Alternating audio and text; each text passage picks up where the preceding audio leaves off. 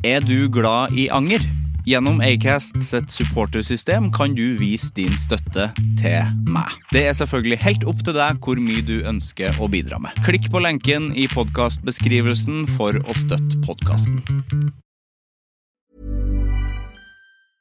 Ryan Reynolds here from Mint Mobile. With the price of just about everything going up during inflation, we thought we'd bring our prices down.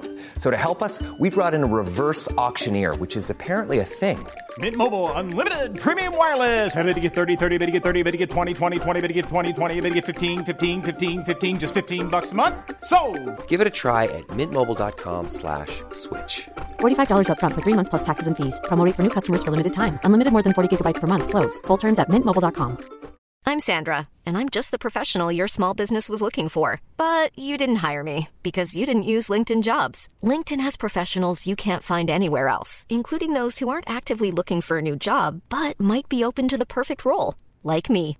In a given month, over 70% of LinkedIn users don't visit other leading job sites. So if you're not looking on LinkedIn, you'll miss out on great candidates like Sandra. Start hiring professionals like a professional. Post your free job on linkedin.com/people today.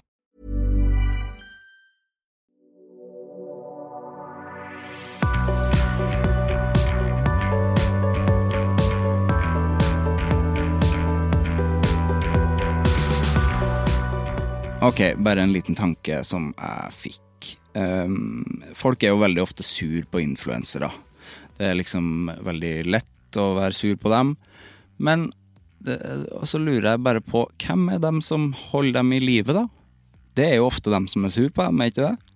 Som gir klikk og som bryr seg. Eh, for jeg tenker uansett om du bryr deg om noen på en positiv eller negativ måte, så blir jo det ender jo det opp med å bli positivt for dem. Eh, det var bare en tanke jeg hadde, da. Jeg tror kanskje vi må tenke litt på det. Ja. Sivert Mo heter jeg. Velkommen til Anger.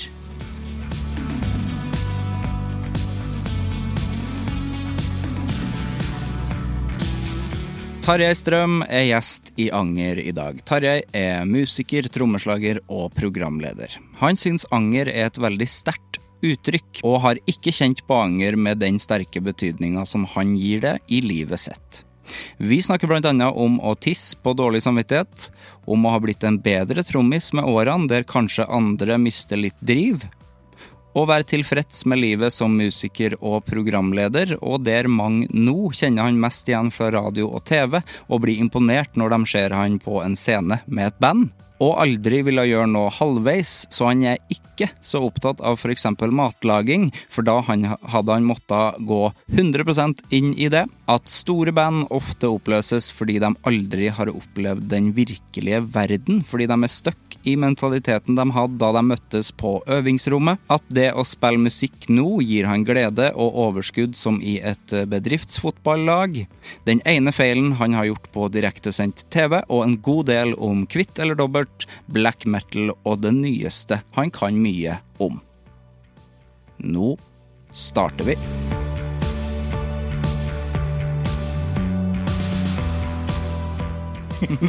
Men det du ikke vet, er at vi har jo mye felles kjente i bransjen. Vi har Ja. jobbet mye de samme folkene bak podkaster og sånt. Mm. Og så um, Kanskje du husker det annerledes, men når jeg kom opp på radaren din det, tro- For du kom opp på radaren min mye tidligere. Jeg visste jo veldig godt om deg, jeg visste godt om podkasten. Mm. Og så for uh, litt over et halvt år siden, i fjor høst, så skulle vi lansere Ukjent arving på NRK, sesong to. Der er jeg programleder, og der er det mye sånn presse. sant? Så skal man planlegge presse og sånt. Og sant? God morgen Norge, Lindmo, alle disse tingene her. Og der var jeg delaktig i presseplanleggingen, og da var jeg sånn Ja, nei, vi må på, vi må på Anger podkast. Og så solgte jeg meg sjøl inn til deg via kanskje Sofie her på huset. Ja, det tror jeg det var. Så jeg hadde jo bare lyst til å være på podkasten, Ja. men jeg var sånn i liksom kraft av at, at jeg var aktuell med TV-program, så sendte jeg en litt sånn offisiell henvendelse til at kanskje dette kunne vært noe. Ja, Men det er jo bare jeg som har lyst til å være her i studio med deg. det er utrolig hyggelig at du har lyst til det. Så jeg lurte meg jo nesten inn, men nå fikk vi det Det til. fikk vi det til. Ja. Ja, og litt sånn eh, Ja, for det har vært så mye fram og tilbake. Mm. Men eh, jeg har alltid hatt lyst til å ha deg på besøk her. Det er ikke det. Er ikke det. Det er bra. Det er veldig kjipt nå hvis det var sånn Ja, Tarjei, um, Fortell, hva har, du, hva har du å si til Hva har du komme med? Nei, veldig kjekt å være her, eh, Sivert. Hvordan går det med det? Jo, det går bra. Det er jo hektisk. Jeg er jo inne i en sånn Jeg har et veldig rart liv der jeg gjør det som kanskje er ni til fire-jobben min, da, først de tingene jeg gjør for NRK, sant? som er litt radio, litt TV og sånt. Eh, men når sommeren begynner, da er det akkurat sånn varulv. Da kommer fullmånen ut, og da går jeg tilbake til det som jeg egentlig kan, spille trommer. Så der er vi nå. Nå har jeg liksom fått litt fri i ukedagene. Eh, NRK-prosjektene er- er- ligger nede, og så er det helgene som gjelder, da. Ja. Ute og jobber og spiller. Og da spiller jeg trommer da med, med Ylvis og Kjartan Lauritzen, som er litt sånn fest... Eh, typer Ja. på hver sin del av festskalaen. Og da går jo hele sommeren til det. Eh, og akkurat nå er jeg i Oslo og jobber litt på Tons of Rock og gjør litt intervjuer der. Så eh, på spørsmålet hvordan det går bra, det går veldig bra, men det er hektisk. Det er hektisk. Ja. Men blir det for hektisk i perioder, eller eh, har du hodet over eh, vannet? Nei, det har jeg tenkt mye på med sånn, eh, litt sånn alder og sånn. Nå er jeg jo passert 40, og da er det jo ofte sånn som tr- trommis og musiker at da begynner det liksom å falle litt Altså du blir dårligere, altså ting går vanskeligere. Men jeg føler det bare går bedre. Det gjør det det? Ja, altså man er bedre til å um, mentalt uh, forberede seg på det som skal skje, enten det er bare de 60 minuttene på scenen eller en lang helg på tur. Altså Man blir bedre til å ivareta både helse og tenke litt langsiktig, da. Ja. Mens i gamle dager, da, hvis vi var ute med Ralf Mayas og og eh, var mine tidligere band, så var det veldig sånn eh, Og det kan sikkert du relatere til, litt sånn krigføring. Hvis du kom på backstagen din på festivalen, du så på de andre bandene og tenkte fy faen, jeg skal bare gle altså, de, vi skal knuse de. Altså, Ja, altså, ja, ja, ja. så Destruktivt, så går du på på første låten, og du går altfor hardt ut, og det er scenebetennelse etter tredje låten, og det var veldig sånn eh, Og så knuser du det ikke i det hele Nei, det er alt blir bare feil. Sant? Så, så, du, så det var mye tyngre før.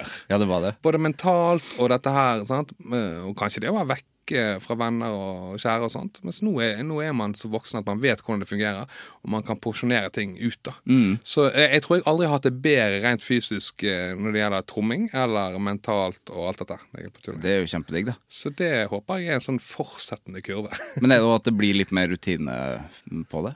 Ja, altså sånn rutine. Ikke, så, ikke som en sånn kjedelig rutine Nei. at du gjør de samme tingene hver dag, men at du, du kjenner deg sjøl så godt at um, Man blir rutinert? Liksom. Ja, på en måte. Sant? Og du vet eh, sant? Du, du um, For eksempel, det er viktig å spise underveis. Sant? Eh, og så vet du at det er jo ikke ting som er tilgjengelig hele tiden, akkurat når du er sulten, for eksempel, når det gjelder catering som festivaler. Så du har noen triks for å ta med deg ting, og du, du, du prepper som du er din egen barnefar. sant? Um, så, så ja, det er vel en viss rutine der da, som gjør det litt lettere. Spiser du de samme tingene? Har du noe sånt som du må spise? Ah, Nei, akkurat nå drikker jeg en energidrikk av fargen hvit av et eh, merke som eh, assosieres med futt og fart. Den kjenner jeg må ha Den må da. en gang om dagen. Ja. Litt Pepsi Max og sånt, men spising og sånt er jo det er bare sunn fornuft. Altså, Ja. ikke chili con carne rett før gig, liksom. Nei. Men eh, så, så der er jeg eh, egentlig ganske fleksibel, altså. Jeg gikk på en indisk eh, en gang, rett før konsert i Drammen. Det, det snakkes fortsatt om. Ja, det gjør det, ja. Mm. ja nei, jeg, har, jeg har liksom sittet med Ralf Mayas eh, på scenen sånn ved midnatt på sånn krabbefestivalen i Vadsø. Sånn kongekrabbefestival. Og da har vi nettopp spist konge, kongekrabbe, og du bare kjenner at den er på vei opp halsen. Kloa er på vei Ja, opp. og du får jo veldig visuelle bilder av Så igjen, klok av skade skjer ikke igjen. Krabba skal ut igjen. Krabben skal ut. Ja, nei, I Drammen så vi skulle spille med Honningbarna, Ja. og så var det en under 18-konsert Mm. først, og så gikk det bra. Og så skulle vi få mat ganske sånn rett etterpå, så skulle det være liksom tre timer til neste. Ja. Da tenkte jeg sånn, da går det bra at vi får indisk, for da skulle Honningbarna ha indisk. Og så var vi sånn, indisk hørtes godt ut. Ja. Så kom, det kom jo ikke før halvtime før vi skulle på. Og da er du mentalt innstilt på indisk. Ja, og øh, skrubbsulten. Ja, ja, ja, Har jo du ikke spist det. da. Nei. Så da må vi jo bare sluke i man butter chicken, da, og det ble så gulpete oh. stemning. Ja, For det var ikke nødvendigvis sterkt. Det var både konsistens og Ja. timing og Ja, nei, Ja, altså vokalt så Ja, funker ikke det så veldig, veldig bra. Nei, det, er, det er surt, altså. Men det, det syns jeg er fint med det. er At det er ikke bare sånn på mitt og ditt nivå. Det er sånn på Paul McCartney-nivå. Altså, Ja, alle, må, alle. alle må tenke sånn. Altså, Hadde Paul McCartney spist eh, indisk en halvtime før, så hadde akkurat det samme skjedd. Akkurat Så det syns jeg er fint. At vi er en slags båt der. Det hadde jeg villet sett, egentlig. Ja, faktisk. Paul McCartney på indisk. Er kanskje så proff at vi har sett det uten å vite om det. Kanskje. Hvem vet? At han klarer å kjempe mot øh, curryen. Ja, ja, ja. Ja. Men er mat for deg, er det viktig, eller har du sånn forhold til mat som, som mange har, at det liksom er drivstoff? eh, Ja, drivstoff dessverre det, altså. Eh, min kjære samboer Juni, hun er Hun jobber da i, i Steinar barnehage som pedagogisk leder der, og da er det eh, Så hun lager mye Der er det bare vegetarmat, så hun lager mye mat fra bunnen av. Veldig flink på det, god å lage mat, sånt, men mens eh, mens jeg er altså veldig sånn Toro-basert. Ja. Og mye av de rettene som min far kanskje lagde til meg, eh, og for så vidt min mor da på 80-tallet og 90-tallet. Meksikansk gryte? Ja, mye meksikansk gryte ish da i 2023-versjonen, som jo er meksikansk gryte. Gå. Så det er mye sånne ting, da. Så, så jeg eh, Mens alt jeg gjør, enten det er trommer eller ting jeg går all in i, så er jeg all in i det. sant? Ja. Leser, eh, sjekker, holder på. Så jeg, skulle, så jeg har nok det, det, den drivkraften på mat òg, men jeg har bare ikke åpnet den døren. Nei. For det vil bli sånn altoppslukende. Altså, jeg lagde én gang, så tror jeg jeg hadde fri noen dager. Da lagde jeg en sånn eh, thai-kylling med noe peanøttsmør. Jeg er helt gal. Sjekket en oppskrift på nett og sånt. Og det, det har jeg gjort én gang. Det snakker familien min om enda. Den ene gangen pappa lagde ordentlig mat. Ja, fordi det ble bra, eller? ja, det ble så sinnssykt bra. Og, Ja. det var, og det var sånn den ene gangen. Ja. Og det tok så mye krefter at jeg, Ja, for da gikk du helt inn i det. helt inn i en 24-timersperiode. Ja.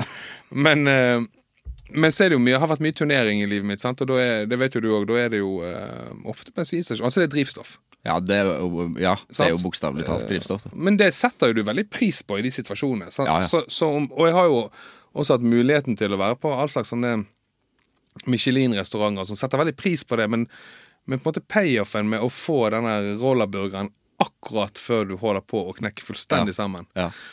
kontra en elveretter på en altså Det er jo det samme følelsesregisteret hos meg, iallfall. helt enig.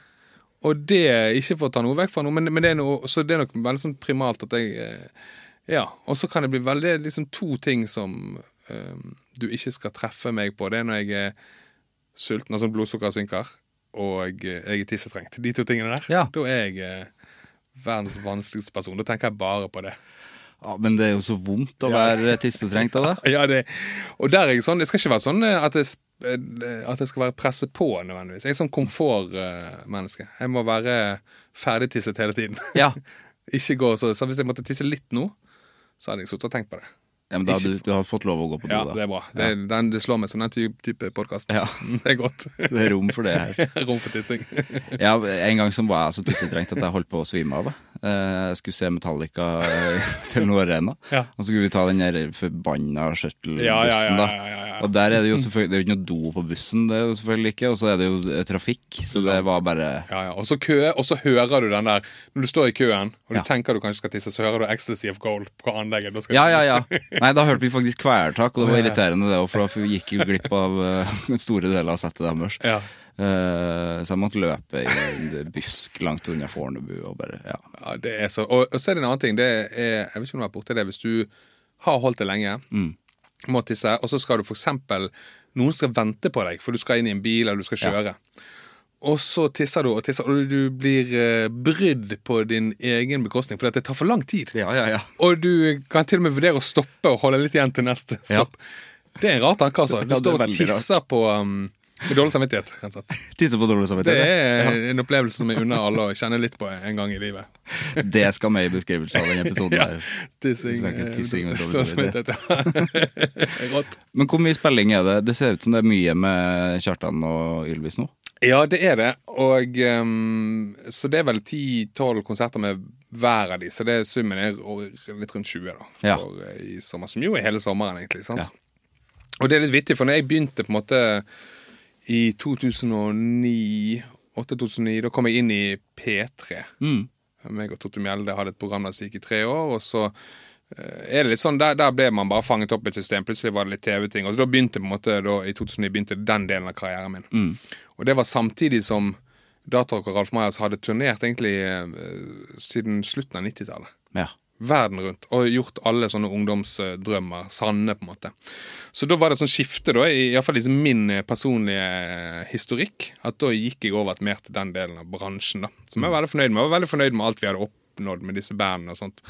Eh, sant? Og så men så nå jeg har, jeg har alltid spilt trommer, men jeg har vært mer som programleder enn som mentalt. da. Ja. Sant? Før var jeg sånn eh, han trommisen som folk folk var imponert av at han kunne spille, være på TV også. Nå er jeg blitt mer han programlederen som folk blir overrasket over at kan spille trommer. Ja, det har skifta helt. Ja. skiftet litt helt, i hvert fall sånn jeg oppfatter det. Så, så, men jeg har helt inn spilt, eh, gjort trommeting og sånt, hatt eget studio, trommet for masse artister på, på innspillingen deres. Sant? Men de siste par årene så har da um, Kjartan Lauritzen spesielt, og nå Ylvis, begynt å reise igjen. da.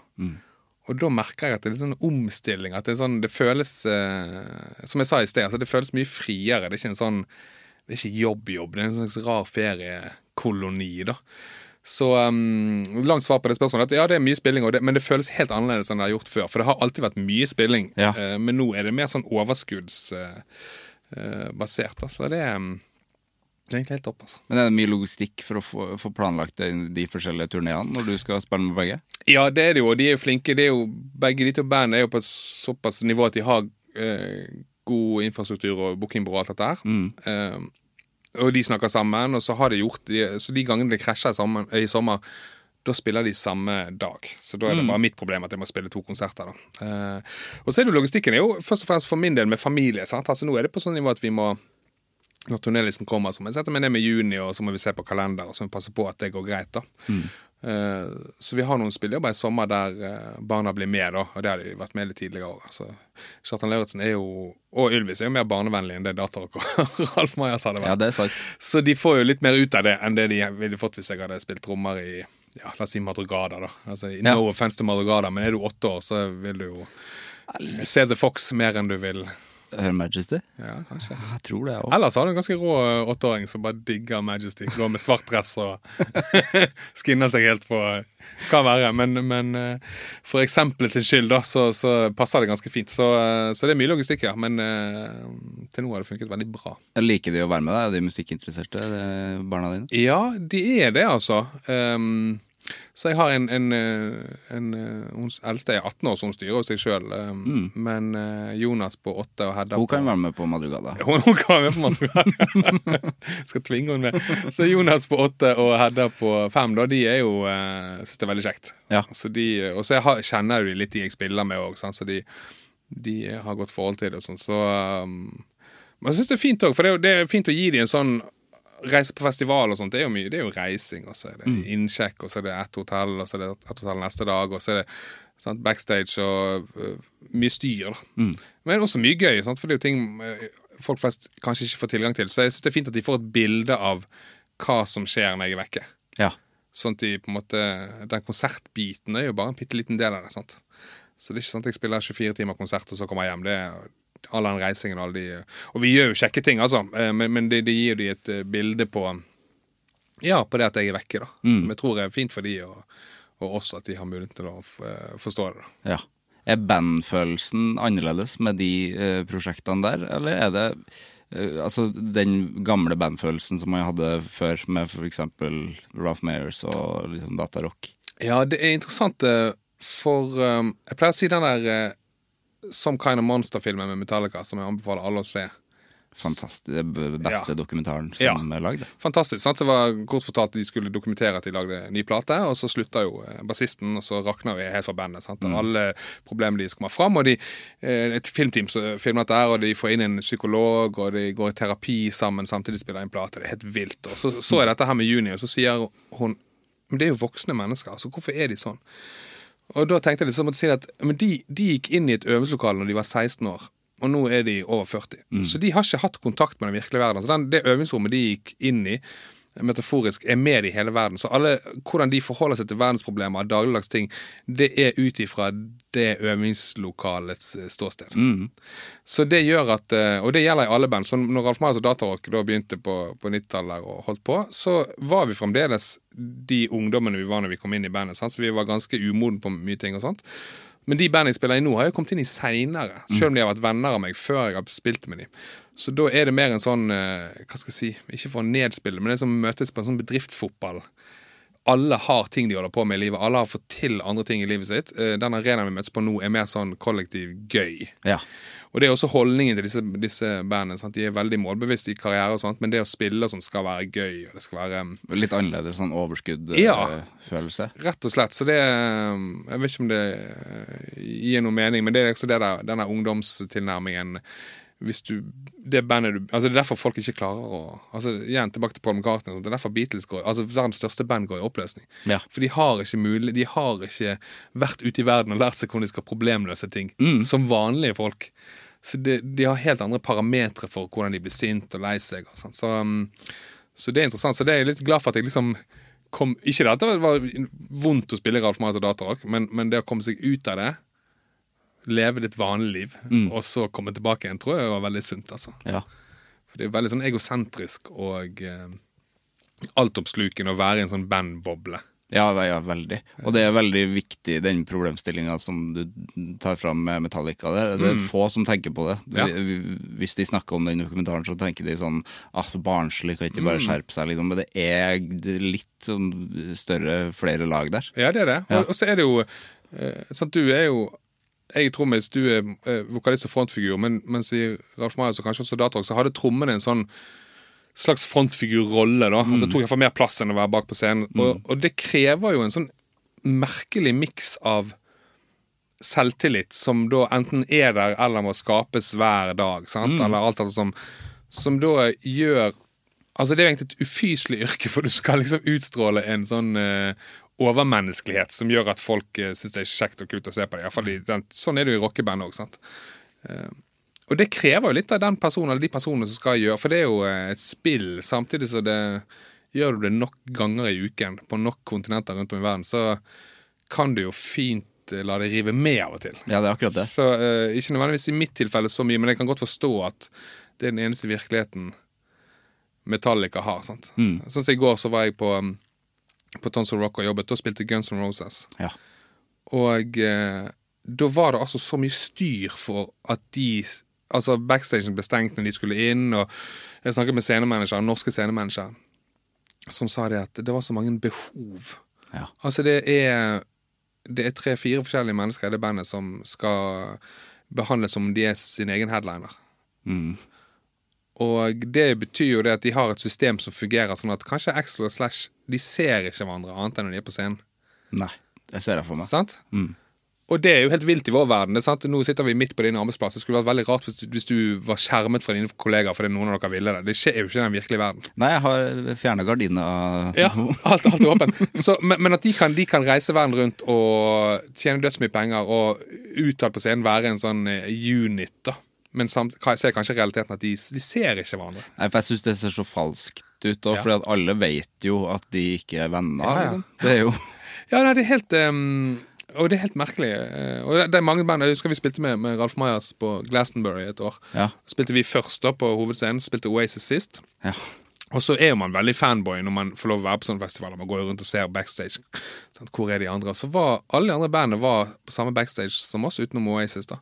Og da spurte jeg eh, hun bandkontakten vår hvor de var. Og Oasis Nei, de hadde uff, det var eget opplegg. Eget egen landsby som var sånn bandområde bak scenen. Og så hadde disse brødrene kontraktfestet at de skulle ikke se hverandre før de sto på scenen.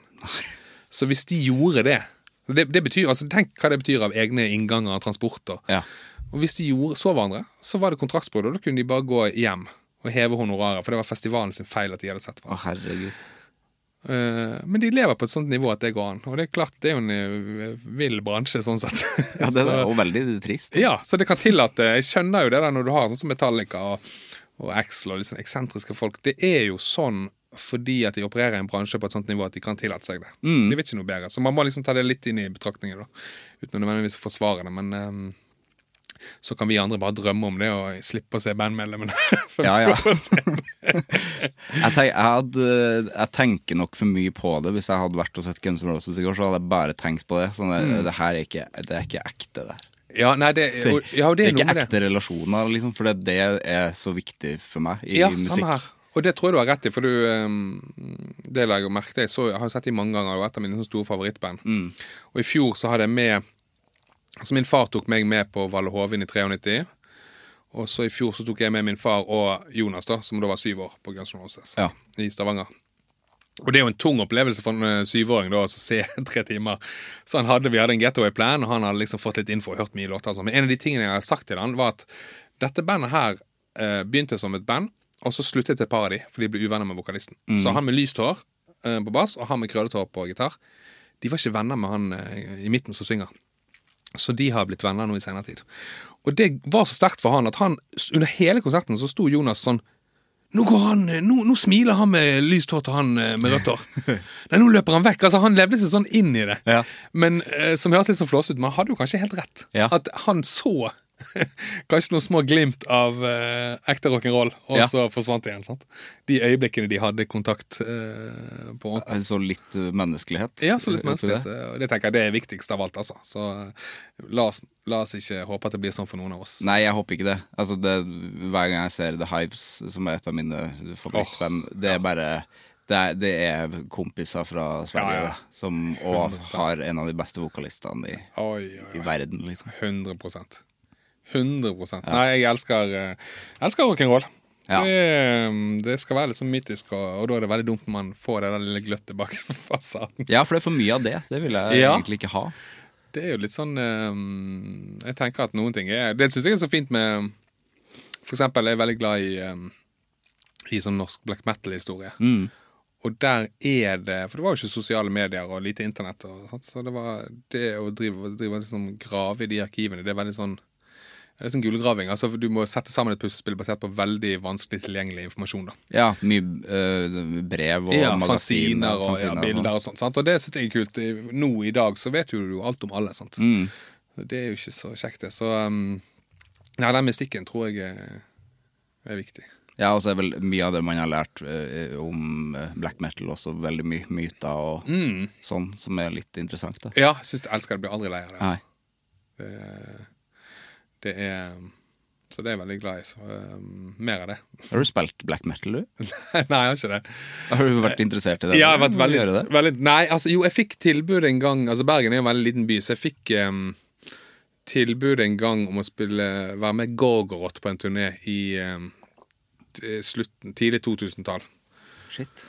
Og da gikk jeg faktisk i øvingslokalet, og- og- men det var så sportsgymnastikk, eller sånn eh, det der å spille de doble basstrommene så fort så lenge. Og da husker jeg Ja. til og med bassisten sa til meg at vet du hva, du spiller til du er sliten, og så spiller du bare på den ene foten, og så hopper du inn med den andre foten igjen. Så jeg har aldri spilt eh, black metal sammen, men vært veldig tett på å ha mye venner som driver med det. og sånt. Eh, Det er jo et sånt, eh, For trommiser så er jo det et sånt helt eget nivå. Sant? Der, og spesielt nå om dagen. Det er jo gått helt amok. Altså Søker du sånn speed drumming på YouTube, eksempel, Ja, det er helt vilt. et umenneskelig ting. Så, men, men jeg er veldig glad. Jeg vokste jo opp i um, Altså når det hele det der med, med Greven og sånt skjedde i Bergen, så uh, var det en veldig magisk tid, altså. Eh, Da gikk jeg på ungdomsskolen, og han uh, Greven bodde rett borti gaten, så vi kunne, vi gikk jo liksom forbi huset hans nesten daglig, og ned på Apollon, platebutikken i byen, for å få et glimt. For da hadde vi vokst opp med Kiss og Mutley Crew og sånn liksom image-tunge band, og så plutselig hadde vi det i Bergen. Sant? Eller i Norge, for den saks skyld. Og da, så jeg ser på det som en veldig sånn magisk tid. Da. Så jeg har veldig sånn um, Ja, eh, så, sånn mytisk og sånn fanboy-tilnærming til det. Så jeg, I voksen alder så har jeg eh, blitt kjent med, med flere av disse eh, aktørene. da. Og det er jo veldig spennende. og så når du da har den mytiske tilnærmingen med disse drapene og selvdrapene og sånt, og så snakker du med de som var tett på det, og så med litt sånn eh, litt for ivrig sånn fanboy «Åh, Du var der, hva skjedde? Sant? Ja, ja. Så ser du på det at de blir lei seg, for det, det er jo eh, ordentlig. For de er det ekte. Ja. Sant? Eh, for de var det en kompis som tok livet av seg, og det var de som måtte vaske huset etterpå. Så det, mm, det kjenner jeg godt veldig inn på meg som voksen, at du glemmer liksom litt at det er skjebner. Eh, Menneskeskjebner. Så, mm, men der blir jeg aldri lei. Altså, jeg, jeg, på Tons Rock i går så intervjuet jeg han Håvard eh, Bråten som lagde Helvete-dokumentaren. Mm. Fantastisk. Som jeg anbefaler alle å se. Altså. Så jeg så han om igjen i går for tredje gang, eller forgårs for tredje gang. Da. Ja. Så uh, alltid noe nytt. Så uh, jeg er veldig sånn nerd på sånne ting. da Ref matlaging. Altså hadde jeg vært um, Hadde jeg vært glad i mat og matlaging, så hadde jeg eh, sikkert gått all in der. også. Ja, var du masterchef? eh, Ja. du Blitt med der, du? Men jeg må være black metal-sjef, eh, eller chief, istedenfor. Ja. Jeg, jeg har ikke tid. Nei. Nei, den helvete-dokumentaren, den, hvis man ikke har sett den, så må man eh, gå inn og se den med en gang. Mm. Jeg syns i hvert fall fra jeg var liten, så har jeg vært veldig opptatt av han Pelle. Pelle Ja. Olin. Mm. Som jeg i utgangspunktet syns Først fordi at jeg, jeg syns den vokalen var Det var noe sånn eget ved den vokalen. Ja, ja, en, sånn ur, en sånn urlyd som Ja. ikke fantes. Helt enig. Og så har man blitt eldre, og så har man skjønt sånn der at han var jo 20 år, kanskje ikke det engang, og bare uh, sleit Ja, ja. helt voldsomt. Jeg har helt sett i liksom dagens lys, med, med liksom alt fokuset på mental helse og Mm. unge menn og alt dette. Så blir det jo bare en tristere og tristere historie, og det det. får de jo veldig godt fram i den dokumentaren. Da. Akkurat det der at de, de, de på en måte bevarer mytene rundt det, men de er også tett på de menneskene. Sant? Det er jo et intervju med han broren. Ja, det er så fint, det. Så, så den det kan få være vår felles anbefaling i Mm. dag. Den er så Some Kind of Monster. Absolutt. Hvis man ikke har sett den, da har du ja, helga. Oi, oi, oi. Ja. Hva, hva gjør du ellers nå om dagen? da? Nå er det spilling, og så Ja. framover. Det er spilling, Um, og så er det jobber med et prosjekt. Det kan jeg ikke si så mye om, men men som er faktisk litt sånn black metal-relatert. Mm. Som, eh, som er på god vei til å bli noe, da.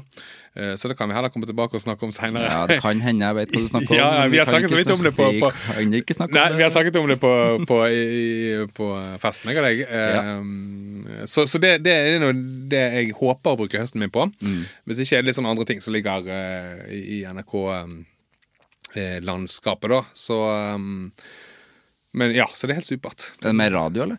Ja, altså, jeg har en sånn Jeg hopper litt inn her og der på, eh, på P13, liksom min gamle radiokanal, og Mm. litt P1-ting. Så, så det blir, blir det, altså. Det er jo det fineste formatet. Ja. Det er jo eh, Det er jo helt sånn umiddelbart. Bare det å sitte her, snakke rett i en mikk, og that's it, altså. Jeg syns du er så god på det òg. Ja, takk skal du ha. Nei, det er veldig kjekt. Ja. Eh, Jeg er veldig mm, Og TV er jo fint òg. TV er jo litt sånn mm, Jeg har inntrykk av at når jeg begynte i NRK, så sant, ivrig bergenser på radioen, så er det noen som tenker han der, vi skal ikke prøve han på TV. Så plutselig er du der, sant. Mm. Og jo kjempefint det, eh, direktesendinger og sånt, men, men akkurat det å lage TV er jo, eh, tar jo veldig lang tid. Ja.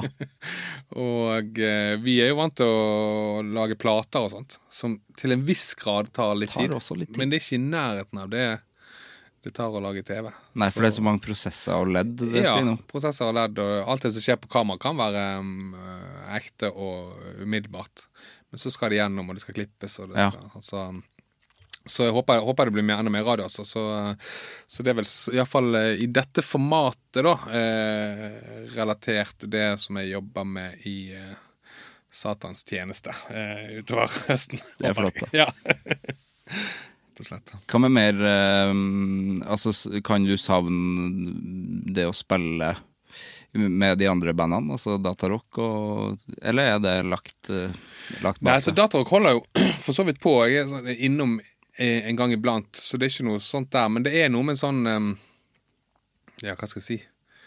Det, for det var jo egne band, og man var med å lage musikk. Og, altså, uh, så det var jo en sånn eh, Men altså, jeg er på en måte litt ferdig med det. Altså sånn eh, Misforstå meg rett, men det er å gå i et lokale, lage låter, prøve lykken. sant? Nå er det mer at folk, andre artister sender meg låter, mangler trommer. Kan du spille inn trommen? Sant? Det er også en kreativ prosess i det, eh, Ja. som på en måte fyller det tomrommet hos meg, da, uh, i den grad det er et tomrom der. Um, så, så jeg vil ikke si jeg savner det. altså Jeg er veldig sånn, eh, var, var veldig mett og fornøyd med den merittlisten. For det, begge de bandene kom til sånne punkt innenfor eh, det som var reelt å få til. Det neste vil bli sånn eh, make or break, liksom. Det var hele tiden sånn, det er jo sånn i musikkbransjen, sånn nivåer. Jeg vet ikke om det er så, Ja, det er jo trappe... det er trappetrinn. Trappetrinn. Spesielt Datarock så hadde en sånn, fikk en veldig sånn fot innenfor i USA ganske tidlig. Sant? Vi var og spilte på, på Jimmy Kimmel to ganger og på Coachella. Liksom. Og så er det bra, du selger liksom ut sånn 1000 kapasitet rundt om i de store byene. Og så er det sånn neste nivå. Det er, la oss si, det er, da er ikke Jimmy Kimmel, da er det kanskje et annet eh, Conan O'Brien, da. sant? Ja, ikke sant? Eh, og så er det 1500 kapasitet. Sant? Men, men det hoppet det krever liksom at du flytter dit, for eksempel. Ja. Og når vi har det så fint som vi har det her hjemme, både med familie og reiser rundt og spiller på studentsteder så mye du vil, og, så ble det et sånn valg at man liksom OK, det er greit. Og så vet man ikke hvordan det ville gått hvis man hadde- satset, men, men det er jo um, Det er Det tror jeg også er en kunst i, i denne bransjen her, å se Vite når man skal på en måte trekke til side. kanskje. Ja. Det er også veldig sånn, altså Hvis det er noen unge folk som hører på noe, så må jo ikke de ta det. altså det er ikke, Dette er en gammel mann som på en måte har fått lov å oppleve mye. det er ikke det, så Du må ikke på en måte ta det som en sånn der Alle må jo bare gønne på. ja, det er klart. Eh, men man kjenner jo på en måte eh, Ja. Eh, Det er jo noen valg som skal tas, da. Ja, og det er jo viktig, ja, men det er viktig å kjenne at nå, hvis man er mett, på en måte, Ja. til et visst punkt, hvis man klarer å bli det. Ja, så er det sånn, altså det, Ja, kanskje vanskelig Altså Jeg vet ikke om jeg kategoriserer det som mett, sånn, men altså, ja, du skjønner hva jeg mener. Altså, sånn ehm, Det er vel litt sånn Jeg vet ikke om det var Fornøyd? Eller? Ja, kanskje du er litt for ung til kvitt eller dobbelt. Nei, men husker det? jeg husker det godt. Og, men jeg husker at... Meldte meg på en gang, kom ikke med. Sant? Ja, James Bond kom Ja, ikke ja, med. shit. Men husker du der, for det husker jeg bare vagt, for de satt inni disse boksene. Men så var det sånn uh, Jeg vet ikke hva det skal si at det var 500 000 som var du kunne vinne. Ja, det sant? Men så var det sånne intervaller. Ja, jeg lurer fortsatt på hvor de pengene kom fra. Ja, det var, kan du si. Det var jo NRK, Det kan du si. så det er våre penger, eller? Det får vi sjekke ut. Det får bli en podkastserie. Men, men eh, la oss si på disse intervallene, 20 000, 30 000, 50 000, så sa de sånn eh, Er du fornøyd, eller vil du gå videre? Ja, stemmer det. Sant? Stemmer. Og det er litt sånn. Ja, for da fikk, du de, da fikk du de pengene, og Ja. så kunne du bare dra hjem. Riktig. Så du er på 250 000, og så kan du si du kan gi deg, eller du kan se opp på 500 000, men da kan du miste alt. Ja, for da taper du. Ja. Ja. Så, de, det, så det var vel litt sånn i, i bandmetaforen for det, er vel det at man da ser at OK Ja, nei, vi, vi, Vi, vi tar premien. tar. Så får du blomst, blomsterbuketten. Å, det er fint med kvitt eller dobbelt Ja, ja, referanse. Jeg Håper folk tar det. Ja, det, hvis ikke så er det også noe du sikkert kan sjekke på YouTube. da. Ja, kanskje på YouTube. ja Det ligger kanskje ikke i nett-TV. Så fikk de sånne Jo, kanskje de gjør det, vet ikke. De fikk jo sånne spørsmål satt inn i de boksene, som jo Er det alle mot én, eller det der Det er sånn all, det er Ja. TV Norge-aktig. Ja, det har de, de knallbra. Ja, de har de boksene. Ja. Og så eh, når vi satt hjemme og så på Det var vel direkte, så var det sånn slow-TV. sant? Så det var, gikk på fredag eller lørdag. Og når de fikk de vanskelige spørsmålene, så kom det en sånn sinnssyk sånn klassisk musikk. Ja. Du, du, du, du, du. Akkurat den. Og så satt du bare og tenkte shit, shit, shit, håper han sa rett på James Bond nå. Så filma de sånn rundt Ja, den boksen. Som er, så, som så, det må være så intenst Ja, å sitte inni den boksen Du der kan tenke deg. Så um... og skal svare på hvem som spilte James Bond. nå, begynner det å bli, nå begynner det å bli sånn eh, ganske fint i den episodetittelen din. Kvitt eller dobbelt. Tissing med dårlig samvittighet. ja, ja. Nærmer seg. Ja, det er bra. Ja, det er fint, det. Mm. Hva, hva hadde du vært med i, i Kvitt eller dobbelt? Oh, jeg kunne nok vært med i black metal Ja. og eh, Kiss, kanskje. Mm. Eh, der er det mye unyttig kunnskap som jeg ellers ikke får brukt. Mm. Så, så det hvis jeg kommer tilbake igjen, så kan vi jo melde oss på. Du er James Bond, meg. Jeg blir James Bond uh, Bård og Harald. Oi! Ja, Wow! Kanskje James Bond og Bård Harald. Shit! Langt, går du langt tilbake der? Bård og Harald? Ja, helt tilbake. Ja. Helt tilbake til U. Husker du um, Svaret er sikkert ja. Husker du når De Pika spilte på eh, På lille Lørdag. lørdag. Ja. Og så gjorde han en opptreden, og så eh, gjenga Harald noe av teksten. Ja. På sånn tøyseindisk. ja, det husker jeg. Vanvittig øyeblikk som står igjen i Ja, Som ikke hadde vært greit i dag. Ja, ja. Ja. Vittig. ja du kunne stilt i Kvitt eller dobbelt. Det var altså. mange som spilte på Lille Lørdag. Det var, Ja. Lille Lørdag er jo det rareste programmet de Jeg har husker det lagd. godt. Eh, de, og så var det et band som het ehm, Pimp Image, som han Aslak som spiller i, i I Klovner, ja. ja. Stemmer det. Så jeg, jeg har møtt han, jeg kjenner ikke han spesielt godt, men um, jeg har møtt han, og så Han holder jo på mye. eh, Bok om angst og, og. Ja, ja, stemmer det. Klovner og jazz. Sinnssykt bra jazzbassist. Ja. Men så har jeg liksom det jeg har sagt til henne, denne sinnssyke bassintroen du hadde på Lille Lørdag, når dere spilte Mr. DNA med Pimp Image. Han må jo tro jeg var helt syk i hodet. Kanskje det var det som utløste angsten hans. ja, det kan være. For det var, men det er sånne ting. Gud så vittig, altså. Man Ja. husker de tingene der. Hurra Torpedo hadde jo legendarisk opptreden der. Ja. Uh, Total Eclipse of the Heart. Ja, stemmer det. Mm. Jeg tok jo opp um, alt av uh, Gartnerlosjen når de var på sånn um, ja, ja, på TV 2 og NRK. Ja, ja. Og, så jeg var veldig sånn eh, produkt av den tiden der. Altså. Så Reidar Roses orkester. ja, ja. TV-serien der. Hvor er han blitt av? Og det var sånn romskipsserie òg, Verdensrommet, eh, med eh, han eh, Rønningen var med der, og eh, Ja. Det het noe med X eh. Jeg prøvde å finne det i NRK-arkivet, men eh, Var det noe sånn Prosjekt X? eller Ja, det var, det var sånn verdensromserie. Ja. For, for gjeng, altså. Jeg traff de i går på eh, noen av de Black Dabbat-folkene. på Ja. Jeg blir sånn starstruck, for det, det, det der eh, var, det er en del av ungdomstiden. Eller barndom, barndom, barndommen, liksom. ja, ja. Så uh, Det er jo geniale Hodal. veldig. Så Bård Harald kunne du stilt i. Ja, men det er bra. Ja. Det, at du husket den der Det pika, det Jeg håper det spørsmålet ikke dukker opp Det jeg på 200 000, 200 000 spørsmål. Går du videre? Ja! Ja, jeg går videre, ja. Men det begynner å bli verre hvis det kommer, sånn der, hvis det kommer veldig mye fra hjernevask. Ja. Da må jeg se det på nytt. Ja, for det er litt sånn det. Nei, det må være det original duo. Det var Bård Harald, ja. Mm. Jeg kan ikke få masse spørsmål om Nytt på Nytt. Eller Det var første gang. Nei, det går ikke. Så en- Einar Tørnquist dukket opp i det der uh, Storbynatt. Ja. Og og det var godt husband. Ja, sånn Kjempehusband. Maja. Ja, Maja. Men de, hadde, de spilte noen sånne vanvittig obskure snutter. Ja. Det var litt sånn som når Kåren Caveman var på um, var på et, De var også husband på et sånt eh, ja, hvor var de husband? Direkte Lykke, var det det het? Ja, det, ja, ja. ja, stemmer det. Shit, altså det så jeg tok opp, holdt på. For et liv vi har hatt. du ganske likt liv òg. det er bra. Veldig bra.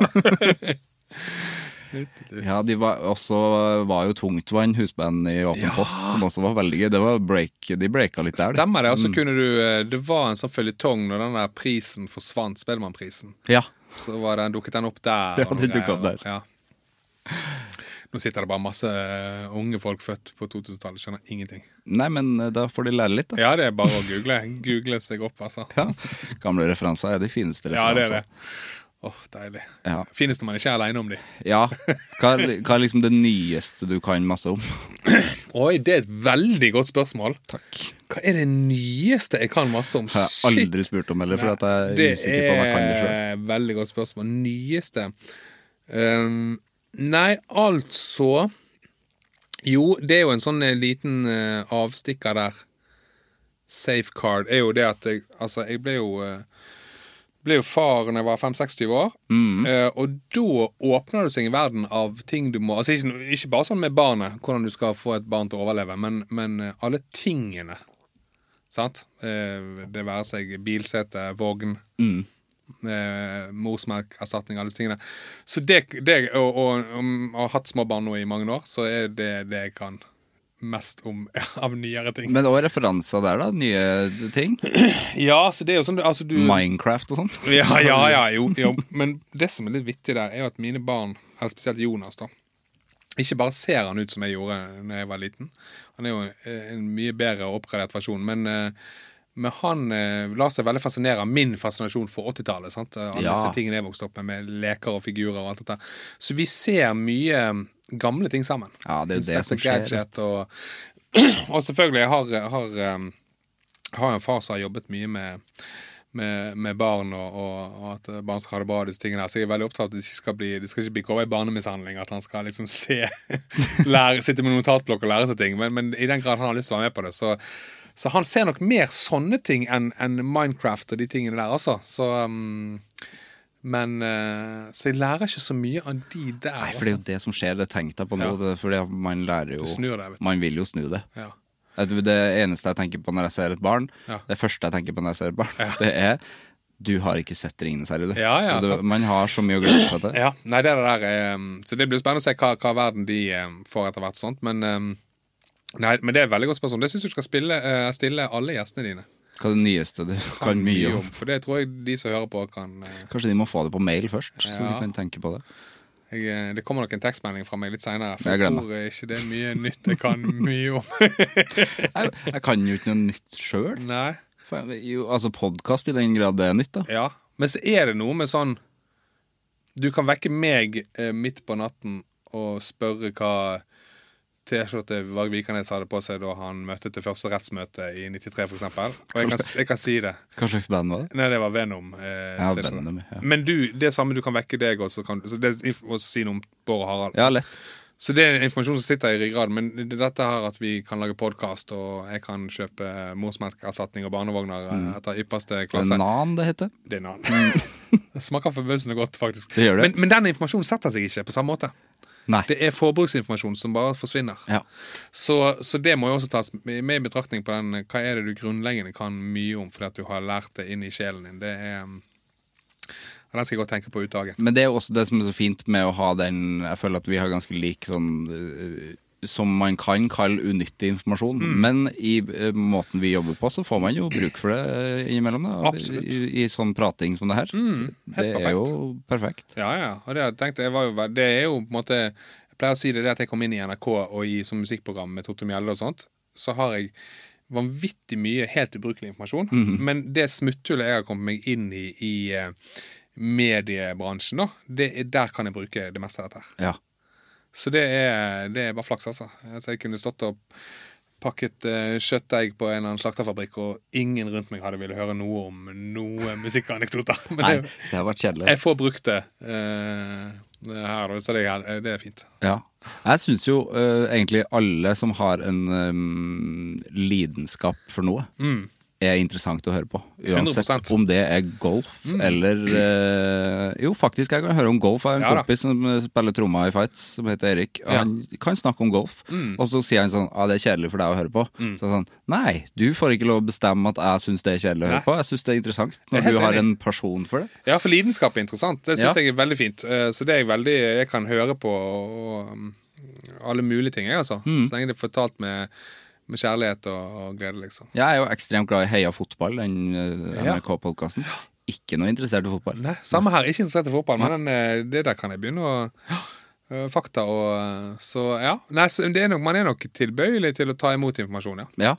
Men så er det også det der med at eh, Kanskje du har det sånn òg med, med la oss si det, Bård og Harald for eksempel sin skyld, og, og meg med Kiss og black metal og 80-tall og sånt. At du har så høy standard for deg sjøl på hva du skal vite. ja. At det er den standarden du måler hvordan du tilegner deg. Sant? Hvis jeg skulle gått inn i fotball, så må jeg vite alt. ja. Og hvis jeg skal gå inn i eh, matlaging, som vi snakket om tidligere, så må jeg også sant? Det er en sånn der eh, sykelig trang til å ikke være best, men være best etter egen standard. da. ja. Som gjør at skal man elske noe, så må man Så det er kanskje det at man hindrer seg sjøl i å gå all in i ting fordi man ikke har tid til å gjøre det på kvitt eller dobbelt nivå. Ja, det er akkurat det, for du er redd for at det blir halvveis ja, og du kan ikke tillate deg sjøl det. Så det er nok kanskje en sånn eh, selv, selvpåført eh, hake, det der. altså. Ja.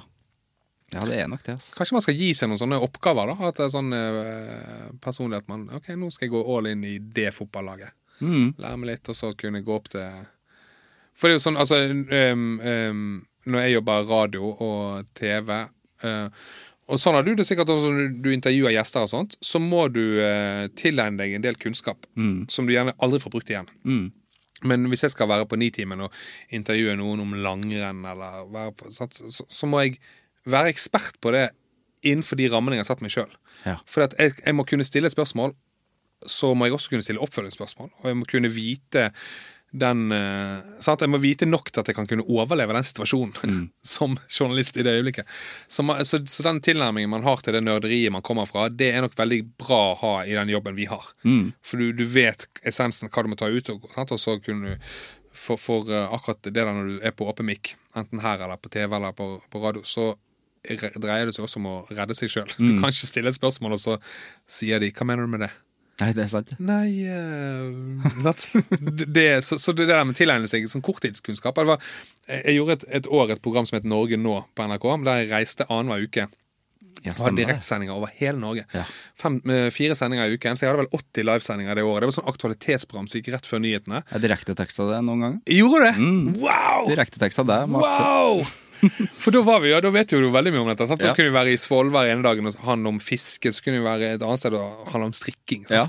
Og det var mye sånn øh, Og, og intervjuet masse folk som ikke hadde vært mye på TV, så jeg måtte jo være tryggheten deres samtidig som jeg måtte lære meg mye ting. da Og da var jeg også mye vekke fra familien, og da husker jeg at øh, i juni, da hun, for det, hun kunne se på dette etter barna var lagt, det gikk jo direkte og sånn, så, så når jeg kom hjem og hadde den av-uken der jeg var hjemme, så kunne Juni, Juni si det. Nå hun at når jeg ser det på TV, så er du altså Du kan så sykt mye om så sinnssykt mye ting. Men når du kommer hjem, så er du like dum som du var når du dro. så hun har liksom sett gjennom det der. Så eh, nei. Det er et spørsmål som skal ligge og vake i hodet mitt. Ja. Hva er det nyeste jeg kan Jeg husker Det programmet syntes jeg var interessant, fordi at du eh, Vilt at du jobbet på det, altså. Jeg jobba på det, men det kan jo på en måte Det kunne liksom slått feil. At det var sånn her Nei, Tarjei bryr seg jo ikke om det der. Men du, det kom gjennom at du var sånn der i, det, i den settinga og de rammene, Ja.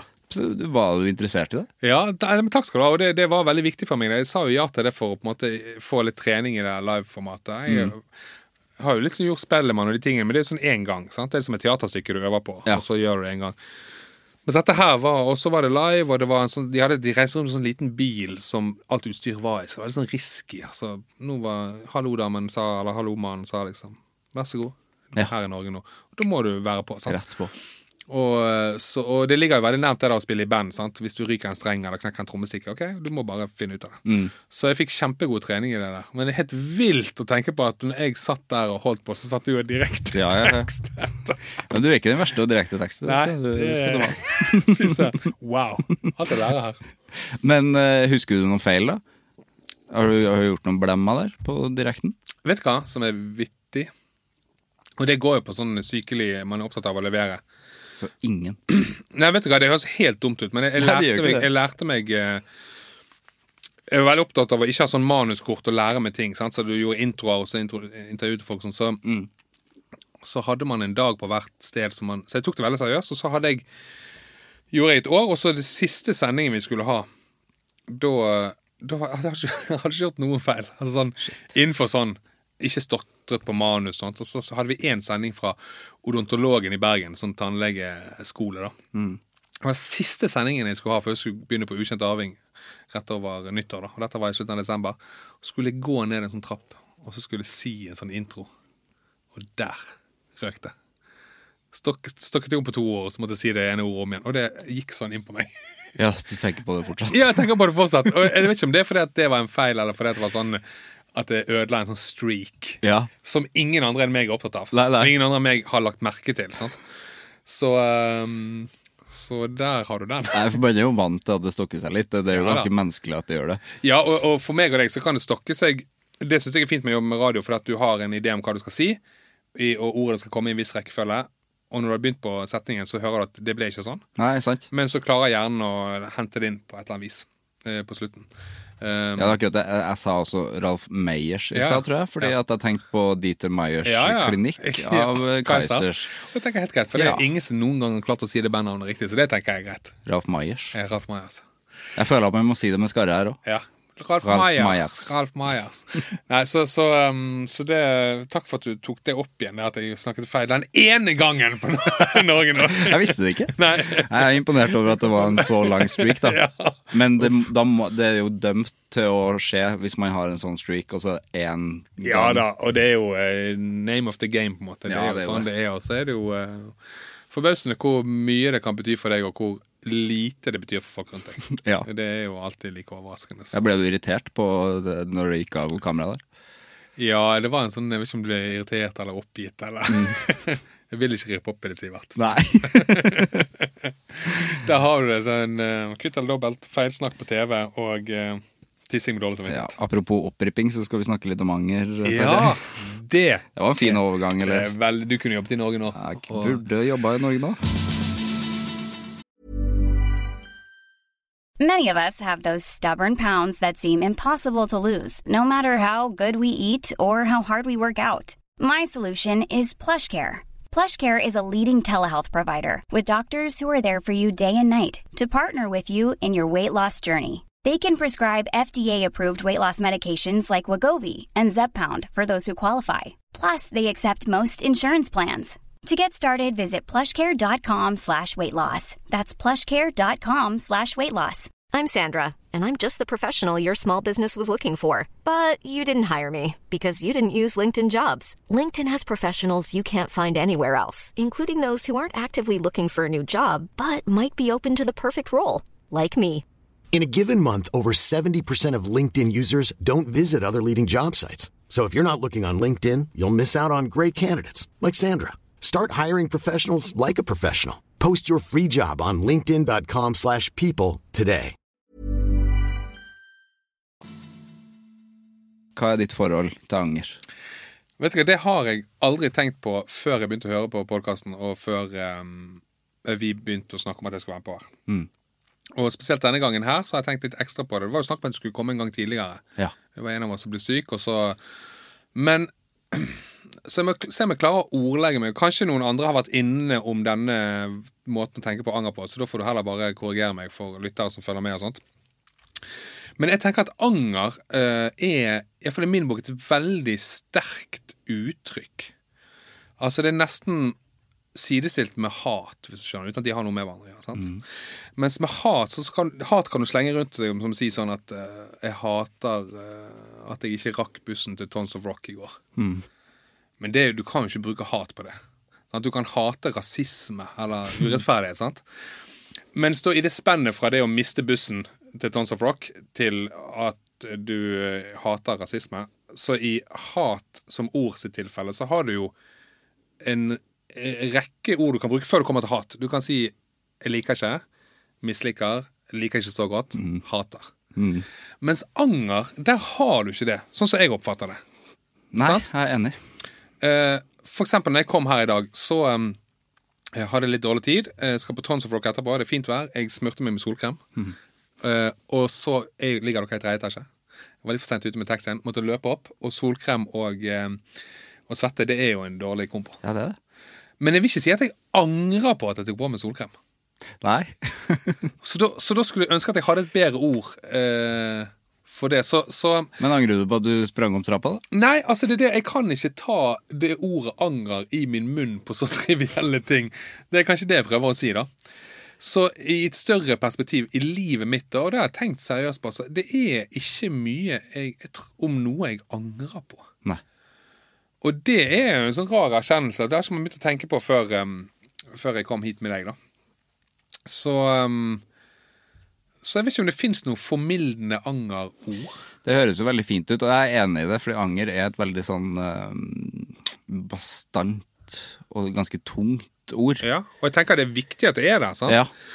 For det er klart eh, La oss si det om at um, Tons of Rock-bussen, som jeg skulle tatt opp og mistet, Mm. så angrer jo jeg ikke da på at jeg gikk ut fra hotellrommet to minutter for seint. Nei.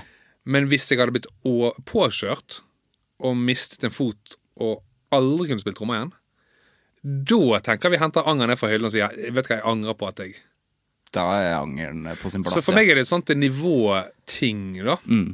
Ja, for det må være såpass store ting. Ja, og det, det, er ikke, det er bare i min bok, da. Mm. Um, og så er jo jeg eh, Har jeg vært avholdsmann hele livet. Mm. Eh, det tror jeg også spiller et sånn uh, rolle. At jeg har gjort alle tingene jeg har gjort i fullstendig edru tilstand. Ja, det er sant. Så det gjør også at sånn eh, Det er litt rart å tenke på, men det, det har jeg også tenkt på i forbindelse med denne podkasten her. Det har nok ført til at um, ting som jeg har gjort, og som alle gjør, sant Så det betyr at jeg måtte få min første kjæreste, um, holde min første tale, stå på min første scene, ha sex for første gang. Alle disse tingene her skjer i 100 edru tilstand. Som jo sikkert også er vanlig for folk som også drikker, for den saks skyld, men, men um, Ja, men noe av det så ville man jo, av de tingene du nevnte der, Mm. så ville jo alkohol spilt en rolle for mange, tror jeg. Ja, og da tenker jeg kanskje at alkohol Da er på en måte kanskje alkoholen en sånn medvirkende faktor som gjør at anger kan være et begrep som ligger i mm. Mens de tingene jeg har gjort eh, bra eller dumt, da har jeg måtte for min egen del måtte sikkert gå gjennom en prosess etterpå. Det skjedde. Hvorfor skjedde det? Jeg har ikke noen unnskyldning for at det skjedde, for det var eh, sant? Så, så, så det der med å angre, det tror jeg altså jeg jeg tror med hånden på hjertet at jeg ikke angrer på noe i eh, livet. På det nivået som jeg setter anger. da. Nei. Det er mer sånn at jeg kan si Hvis du da som på veien til hat så har du mislika, liker ikke, alle disse underkategoriene. Så på veien til anger så er det mer sånn Lurer på hva som hadde skjedd. Mm. Eller hvis ikke, sant. Uh, Hva hvis jeg gjorde det, eller hva hvis jeg ikke gjorde det? jeg kom på et sånt eksempel. Vi var på turné med, med, med i USA. Og så var vi til for et band som het Ladytrons, var et sånt elektronikerband. Spilte de to kvelder i LA. Og så um, eh, den ene kvelden så kom keyboardisten Dette var i 2007. Da kom keyboardisten i Nine Inch Nails Ja. inn på soundchecken vår. Ja. Og så spurte, å faen, jeg kjente han igjen, og så spurte jeg liksom hva, hva de holdt på med. Nei, de holdt på preprod nå, med Nanny Nails. Rett borti gaten. Og sier hæ? Du må da må jo du be Du må ta med deg Trent på showet vårt, liksom. Trent Reznor, som på en måte i min bok er en av de villeste musikerne i verden. Så en vanvittig type. Eh, og så spiller vi eh, konsert rett før vi går på scenen, så, så møter jeg han igjen, og så sier han Trent, Trent is here, liksom. Shit. Så spiller vi konsert, og da er han i salen, da. Eh, Og det er jo svært sted, sånn eh, Sentrum Scene pluss, så det går ikke an å se han, da. Men, men, eh, Så går vi av scenen eh, før dette andre bandet skal gå på. Svett i disse datadraktene våre. Så måtte man gå ned i kjelleren til sånn backstage. Og Da var det sånn åpent rom, felles rom, og så var det sånn små backstage-dører til alle de forskjellige bandrommene. Så når jeg går av scenen, så sier han keyboardisten Nå er han bak der, sier han eh, Trent, eh, han er backstage. Han vil, han vil møte deg. og så kommer jeg ned trappen i den datadrakten. Jeg svetter på meg rød treningsdrakt. Jeg, jeg, jeg, jeg bare føler meg så sykt dum. Det er ikke sånn det skal være når jeg møter Trent Reznor. Så jeg kommer ned, Vi hadde sånne store briller òg, sånne svære. sånne. Så, så vi var veldig sånn Du kunne ikke se øynene våre. Så, så jeg kommer ned, og så ser jeg da Da er det bare meg, og så er det bare han. Han sitter der nede på et bord, veltrent og ser så LA ut som det bare kan være. Men jeg har på meg disse brillene på meg den dumme treningsdrakten, så jeg bare går til min umiddelbare høyre inn på vårt bandrom, og så låser jeg døren. Nei. For jeg bare feiger helt ut, sant? Og han øh, Og så venter jeg der til eh, han sikkert er gått. Jeg bare blir der inne. De andre bandene lurer på hvorfor jeg var inne på et låst rom i Så det er en sånn ting som Jeg angrer ikke på at jeg gjorde det, for det var den reaksjonen som kroppen min ville at jeg skulle gjøre. da Ja. Men jeg lurer jo på hva som hadde skjedd Ja. hvis jeg hadde sittet meg ned med han. ja. Sant? For sånn eh, de, de, Det er jo den som driver og skifter trommiser hele tiden. Og sånt Og det er ikke sånn at jeg eh, har noen falske forhåpninger, men, det, men da begynner du å lure. Sånn, Hva hvis? Hva hvis, hva om? Så det er mer sånn hva hvis, hva om. Det er mye hva hvis og hva om i livet mitt, men, eh, men jeg tror ikke det er noe anger, altså. Så du, du klarte ikke å møte han eh, i den situasjonen? Klarte ikke å møte han der. Og, og, um, og livet er jo fullt av sånne øyeblikk sant? der man choker, eller der man um, Men til og med der vil jeg liksom eh, ikke angre. Jeg har sagt altså, Det der Ukjent arving-programmet Det er jo et sånt eh, slektsforskningsprogram der jeg reiser rundt og finner arvinger til folk som ikke visste de hadde. Sant? Og Da graver vi mye familiehistorie, og så møter jeg eh, folk, og så får de en arv, og så får de en historie med på kjøpet. Ikke sant? Og Det er ofte sånn nært og, og, og fint TV. Sant? Det er mye sterke historier der. Og så når jeg har gjort presse på Ukjent arving, så har jeg nok sagt eh, at jeg angrer på at jeg ikke spurte mine besteforeldre mer om deres liv. Mm. For de var veldig involvert i meg og musikk, og, sant? og alltid meg, meg, meg. Sant? Men jeg spurte aldri de om sånn ja, hvordan var krigen, eller hvordan var sant? Sånne ting som er tapt for alltid. Og nå driver jeg og lager TV-program der jeg driver og finner ting. Og, sånt. Så, så der har jeg nok sagt det, og det, det er kanskje det jeg, jeg, jeg, tror anger til og med er et for sterkt ord å bruke der, for det er vel mer sånn skulle ønske. Ja. Hadde jeg visst bedre. Men, men jeg, jeg vet ikke om du har hatt andre gjester som har jeg, jeg er ikke redd for ordet anger, men jeg bare føler at jeg har Det er et ord som de som trenger det, skal få lov å bruke. Ja, nei, det her er første gangen, faktisk. Er det? det er interessant Ja. uh, når det dukker opp sånne tanker. For jeg skjønner veldig godt hva du mener. Ja. At det er litt sånn Ja, det er for stort, det ordet. Ja, det, det er megastort. Jeg husker, sånn, jeg husker når jeg så denne, denne podkasten din eh, så dagens lys, og det er en tegning av deg som ser veldig sånn skummel ut, da. Ja, innbitt. Ja, sant? Og anger, og det er anger, det er et sånn eh, hissig ord. Du ser at han angrer. Ja, Han, han på der.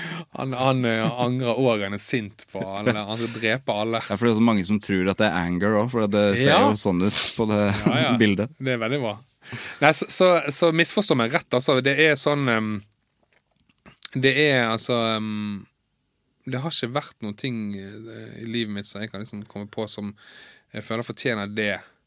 Og så er det jo sånn der man, man er eh, Det er jo en klisjé å si, men alle tingene som skjer, leder jo deg til en eller annen vei. Sant? På et eller annet spor. Sant? Så på et eller annet tidspunkt så er det Så ville det vært til det bedre uansett, kanskje. Ja. Så, Jeg tror det er viktig å tenke. Ja. Og så tror jeg jeg bruker ordet gnaging innimellom. Ja. Som jeg føler er en sånn Det er en mildere form for anger. Ja, det kan du godt si. At man gnager på ting. Du kunne jo liksom gnagd på det når du låste den døra eh, Mm. backstage der. Og Ja. Men det er liksom Ja, for jeg, for jeg tenkte litt på det. det. Det kan nok ha mer med den der denne avholdsgreien å gjøre at, eh, at eh, For det er mange som spør alltid hvordan er det og sånt, og så Nei, det er jo what det er ikke noe sånn Men, men akkurat denne angerbiten, det, det har kanskje ført til at jeg har måttet stå i en del situasjoner for min egen del, sant? ja. Eh, Men så kan det jo være sånn sam Altså, vi kan krangle, krangle med folk, og, og så at du sier ting som du ikke skulle sagt, sant? Mm. Eh, Men da beklager jo du at du sa det. Du angrer ikke på at du sa det. Du beklager at du sa det. Hvis du angrer på at du sa det, så er det akkurat som du har sagt hva du mener. Ja, akkurat det. Um, Du slipper å ligge fyllesyk dagen etterpå og måtte sende masse meldinger til folk. ja. For det gjør jo folk. Ja da, og, og, og i all respekt, altså, men, men um, så, så- Men jeg er veldig sånn, eh, veldig sånn eh, Det er et ord som på en måte Ja, jeg setter eh, det i på samme hylle som, som hat og ehm, Ja, og anger. På, ikke at de ligner på hverandre, men de skal brukes på en sånn måte. Sant? Det er sånn Når du er forelder, så kan du si Altså Hvis du sitter ved middagsbordet og Jonas sier at han hater tomater. Så det gjør du ikke. Du hater ikke Du tomat. ikke, det, det er helt riktig at det ordet fins, men det er ikke der du skal bruke det. Sant? Du misliker det, du syns ikke smaken er god. Men, så, så det, sånn tror jeg Det er ikke noe du skal slenge rundt deg med. da Eh, Nei, og det gjør veldig mange. Det er jo som du sa, og at man hater at man ikke rakk den bussen. Og hvis man er musikkinteressert, så føler jeg det hatord Mm. Ja, brukes. ja, Ja, Faen, hater det Ja, bandet. Men Det skjønner man når man blir litt eldre, at det er sånn, det gjør du ikke. Du, det er et ladet ord. Ja, det er ikke for deg kanskje, det bandet, eller Nei. du misliker musikken, men det du hater ikke det bandet. Nei, sant, og når- det er sagt, så er det jo Det er jo veldig individuelt. Så selv om jeg ikke nødvendigvis angrer og setter ordet såpass høyt, så syns jeg at folk skal jo Det er jo i min bok, da. Hvis folk angrer på valg de har tatt, sånt, så er jeg jo fullstendig respekt for det. Jeg er ikke noen sånn eh, angreelitist som Men, men jeg har eh, det var interessant å gå ned den veien når du eh, inviterte meg hit, da. Og finne ut hva forhold man har til anger. Um, Sant? Altså, jeg har jo eh, sant, gått gjennom samlivsbrudd. Sånn som Sofie, min første datter, er jo fra et annet tidligere forhold. Sant? Og når det sto på, så er jo det helt jævlig. Sant? Og det er jo, men, eh, men ting skjer, på en måte. Og du, på en måte så til og med der er det sånn Det er ikke noe anger rundt det. Det er sånn eh, På egen bekostning av hva man har gjort og sånt. Eh, ma- men det er jo lett å si når man sitter med fasiten mange år seinere. Ja, det er sant. Eh, så anger kan jo kanskje være at, eh, at det er, er på den hyllen. Eh, men, eh, men det skal være lett tilgjengelig kanskje når du trenger det. For man angrer jo kanskje med en gang etterpå. Men hvis man bare lar være å angre litt, så vil du se at eh, Jeg vet ikke. Det, jeg har liksom ikke tenkt tanken ferdig. Men jeg, det er et ord jeg har veldig sånn respekt for. da Mm. Syns det er litt sånn tungt og Ja. Men har vi behov for det, da? Ja, altså um, Det tror jeg. Ja, absolutt at man har behov for å anger og kunne ha det Ha det der, men jeg syns ikke det skal være en sånn eh, Ja, det, men, men vet du hva, det kan godt ha noe med å gjøre med min sånn um, Så der avholdsgreiene mine, det har vært hele livet, sant. Og så når jeg var på ung- ungdoms... Nei, um, videregående, eh, så kom jeg inn i et bitte lite sånn straight edge-miljø, da som da en sånn amerikansk slags subkultur i punken. Da. De var, så var sunne ungdommer som på en måte ville ha et alternativ til det å være på fest. Da. Eh, så jeg bodde i Bergen. Eh, det var et stort strategy-miljø på Østlandet og i Stavanger etter hvert. og sånt også. Um, men det, var, det kunne bli veldig sånn elitistisk. Eh, ikke nødvendigvis mye i Bergen, men jeg vet at det var veldig sånn elitisme både i klesstil og så ned på folk som eh, drakk og sånt. Og det kan jeg godt ha Kanskje den tanken kan jeg, kan jeg ha tenkt at, at når folk, Så jeg hadde en, eh, en periode der hvis folk gjorde noe med meg, da, sa noe til meg på byen, eller jo, Så hadde jeg en veldig sånn der Hvis folk kom og sa de angret, så var jeg sånn Det kan du ikke gjøre overfor meg, for jeg var edru gjennom dette. her. Det at du liksom har forgiftet altså, Skjønner du? Du fikk hele preachen på sånn Ja. At jeg liksom at jeg, du, du får ikke lov å angre, du må stå for det. For vi var i samme situasjon og jeg var edru, du var full, da skal ikke du få det frikortet som gjør at du kan angre, men jeg kan bare stå Jeg må bare oppleve det som kom fra deg. Sant? Det var en veldig sånn elitistisk eh, periode i livet mitt, og der eh, det var ikke noe jeg gikk ut og preachet, men akkurat i sånne situasjoner, om du skjønner, så var det sånn, jeg var veldig opptatt av at folk skulle ikke ha noe frikort. da. Det er forståelig òg, da. Ja, sant? og nå er ikke det sånn i det hele tatt, altså. Det, det må alle være klar over. Men det, der er jo anger henger litt på. sant? Du, du tar jeg, Sorry, jeg angrer på det jeg gjorde i går. Nei, det får ikke lov til. Nei. Du gjorde det, liksom. Jeg syns jo heller ikke at det skal være et frikort, og, ja, og, liksom oppføre seg hvis man oppfører seg dårlig.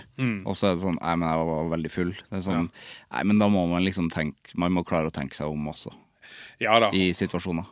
Men samtidig så det er jo interessant individuelt, og jeg tror man trenger anger. Altså, man, uh, men jeg vet ikke hva, hva de fleste gjestene sier. Det, det er jo uh, Sier folk at det er en positivt hjelpemiddel, eller at det er negativt ladet eh, Det som går igjen, er jo at eh, en blanding av det, det er jo negativt, men at det er positivt fordi du kan lære Ja. av det. Det er jo den læringsgreia Ja av det som er Den er jo fin. Ja, nei, det er viktig. Det må ikke bli en sånn eh, Jeg, ser det veldig sånn visuelt for meg på eh, en hylle. Og under den hyllen så har du en sånn kortversjon som er sånn der eh, du kan knuse, og så kan du ta ut anger umiddelbart. og det er fint, det, men, eh, men det kan du gjøre Skal vi si to ganger i året. En gang i halvåret. og så øverst, iallfall i min, i min visuelle bok på anger, så ligger det, henger det høyt, da. Så jeg eh, Jeg får heller komme tilbake hvis jeg eh, igjen river opp i noen traumer som gjør at shit, det angrer jeg på. Ja, det må du gjerne gjøre. Er det noen som har vært og sagt de ikke angrer på det? Ehm, Jeg kan ikke være den eneste. Ja, nei, nei, det er flere som har gjort det. Men så har det på en måte Men det er ikke alle som tenker på det ordet heller. Eh, og så begynner de å fortelle historier på, fra livet, og så er det sånn Ja, men det der er jo litt angring. Ja. Ja. ja, så det er nok bare um, Det er din definisjon av ordet, på en ja, måte. Ja. Og det tenker jeg er viktig, at folk har uh, den definisjonen de vil ha på det ordet, og bruker den deretter. Mm. Det tenker jeg. Og så um, eh, Men jeg har seriøst aldri tenkt på det før uh, podkasten din dukket opp, da. Nei. Så, eh, så hvis du visualiserer deg den knuselige lille og den hyllen med anger, så står det en sånn plakett med fjeset ditt. Ja, det tror Med jeg. tegningen. Og det jeg så for meg. Ja, og det er sinte ringende altså, Jeg tror jeg var litt sånn redd for deg i en periode. At jeg tenkte sånn at du var Du var litt sånn eh, rockevokalist og angerpodkast. At det var Ja, Så ble jeg veldig glad for at du var veldig snill. Da. jeg har motbevist det. Ja, ja, ja. Jeg ser jo ikke ut som på den tegninga heller. Nei, det ikke Men du hadde kort hår da, ikke? Nei, det er egentlig en Hester. bønn, ja. En Ja. bønn, men det ser ut som en kul kort dress, egentlig. Så det var bønn du angret på?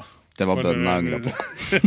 det gjør jeg faktisk. Ja. Jeg hadde manbun litt lenge. Har du det? Ja, jeg syns man har det litt for lenge noen ganger. Jo, men jeg lurer på om du også hadde sånn eh, pologenser. Eh, på det bildet, ja. ja. ja. men Og da er du liksom Ja, du type. Ja, og da går det greit. Ja.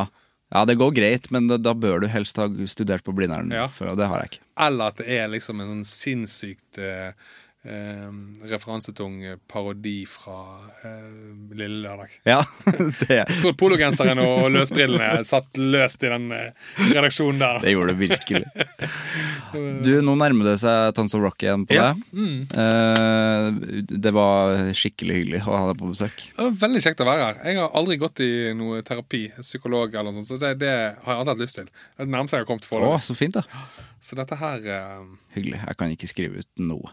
Nei. Det, du kan, hva var det spørsmålet igjen? Hva er det siste du har lært deg noen Hva er det Hva er det nyeste du har lært deg som Ja. du kan mye om? Mm. Ja, det var Ja, det var Men du må sende meg melding, så kan jeg formidle det til lytteren senere.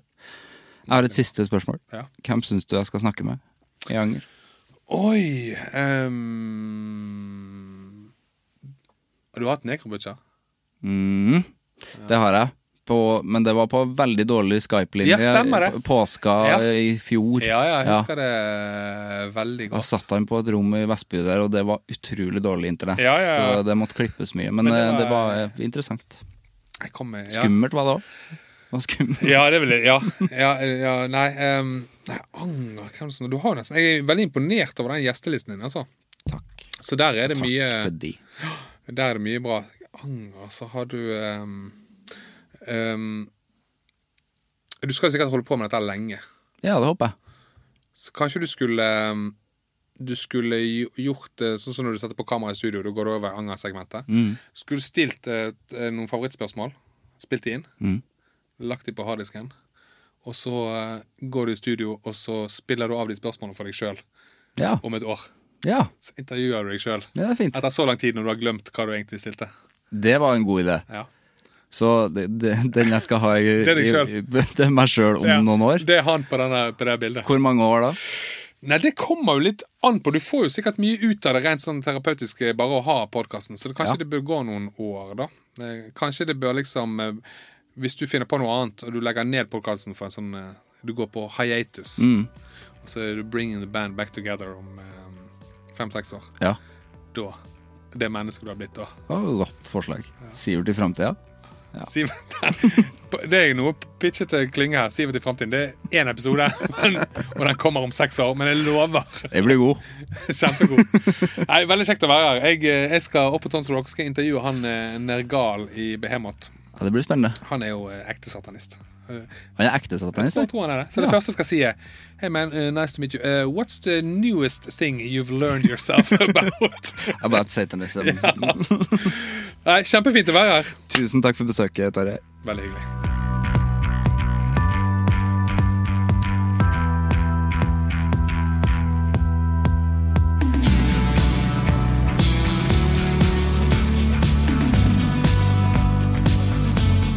Ja, det var Tarjei og meg. Blir det triveligere enn det der? Det er vanskelig å se for seg. Det var, det var en utrolig trivelig prat med en eh, altså så tvers igjennom nydelig fyr. Eh, veldig, veldig glad for at vi fikk til den praten. Uh, ja, har lyst til å prate mer med han. Så han er hjertelig, hvis du hører på, Tarjei, du er hjertelig velkommen tilbake. Og jeg er veldig spent på det nye prosjektet som vi bare tisa litt om, fordi vi har snakka om det før, men vi har ikke lov å snakke om det.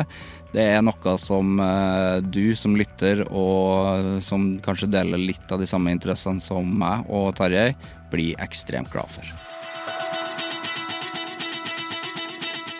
Vi høres. Hei!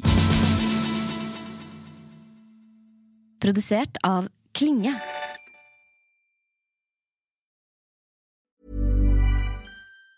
Even on a budget, quality is non-negotiable. That's why Quince is the place to score high-end essentials at 50 to 80% less than similar brands. Get your hands on buttery soft cashmere sweaters from just 60 bucks, Italian leather jackets, and so much more.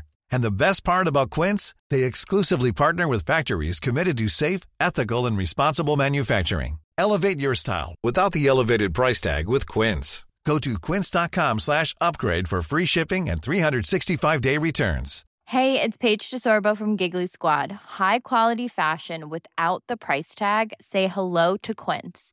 I'm snagging high-end essentials like cozy cashmere sweaters, sleek leather jackets, fine jewelry, and so much more. With Quince being 50 to 80% less than similar brands. And they partner with factories that prioritize safe, ethical, and responsible manufacturing. I love that. Luxury quality within reach. Go to quince.com slash style to get free shipping and 365 day returns on your next order. Quince.com slash style.